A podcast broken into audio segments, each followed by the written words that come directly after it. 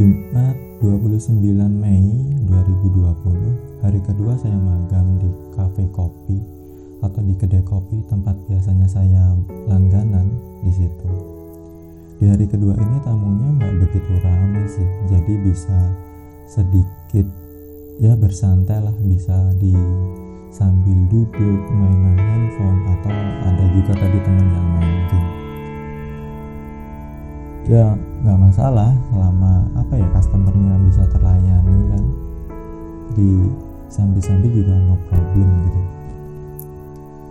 Tapi ada yang beda untuk hari ini yaitu karena nggak terlalu rame akhirnya ya bisa belajar tiga varian kopi.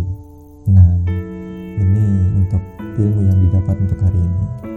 Tapi untuk cerita yang hari ini adalah uh, sebelum berangkat itu rasanya kayak gimana ya mengulang gitu mengulang di saat dulu zaman zaman waktunya baru lulus sekolah dan dapat kerjaan gitu ya kita harus datang di jam sekian tepat sampai lokasi tempat kerja.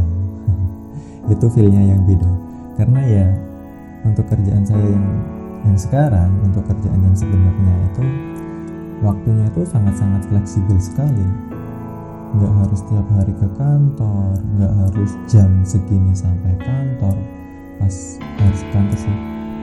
Ke kantor itu pun juga kalau hanya ada sesuatu hal yang didiskusiin pertama. Dan kedua ada hal yang memang harus ditangani secara fisikly ya memang harus butuh fisik gitu tidak hanya di remote dari rumah dan memang uh, uh, yang ketiga itu jamnya ya kan saya banyak di lapangan ya teknis lapangan. Ya pas kondisi-kondisi ada kerjaan di lapangan aja. Kalau nggak ada kerjaan ya standby monitoring dari rumah. Itu juga udah dari sebelum covid udah dari sebelum PSBB atau KLB ya udah lama aja nggak ngerasain uh, kerja yang harus berangkat jam sekian harus sampai jam sekian sampai jam sekian pulang. Kayak kangen gitu ada rasa-rasa kangennya juga dan ya sensasinya beda sih. Oke sekian untuk jurnal hari ini yang bisa saya bagikan untuk kalian. Sampai ketemu di hari selanjutnya.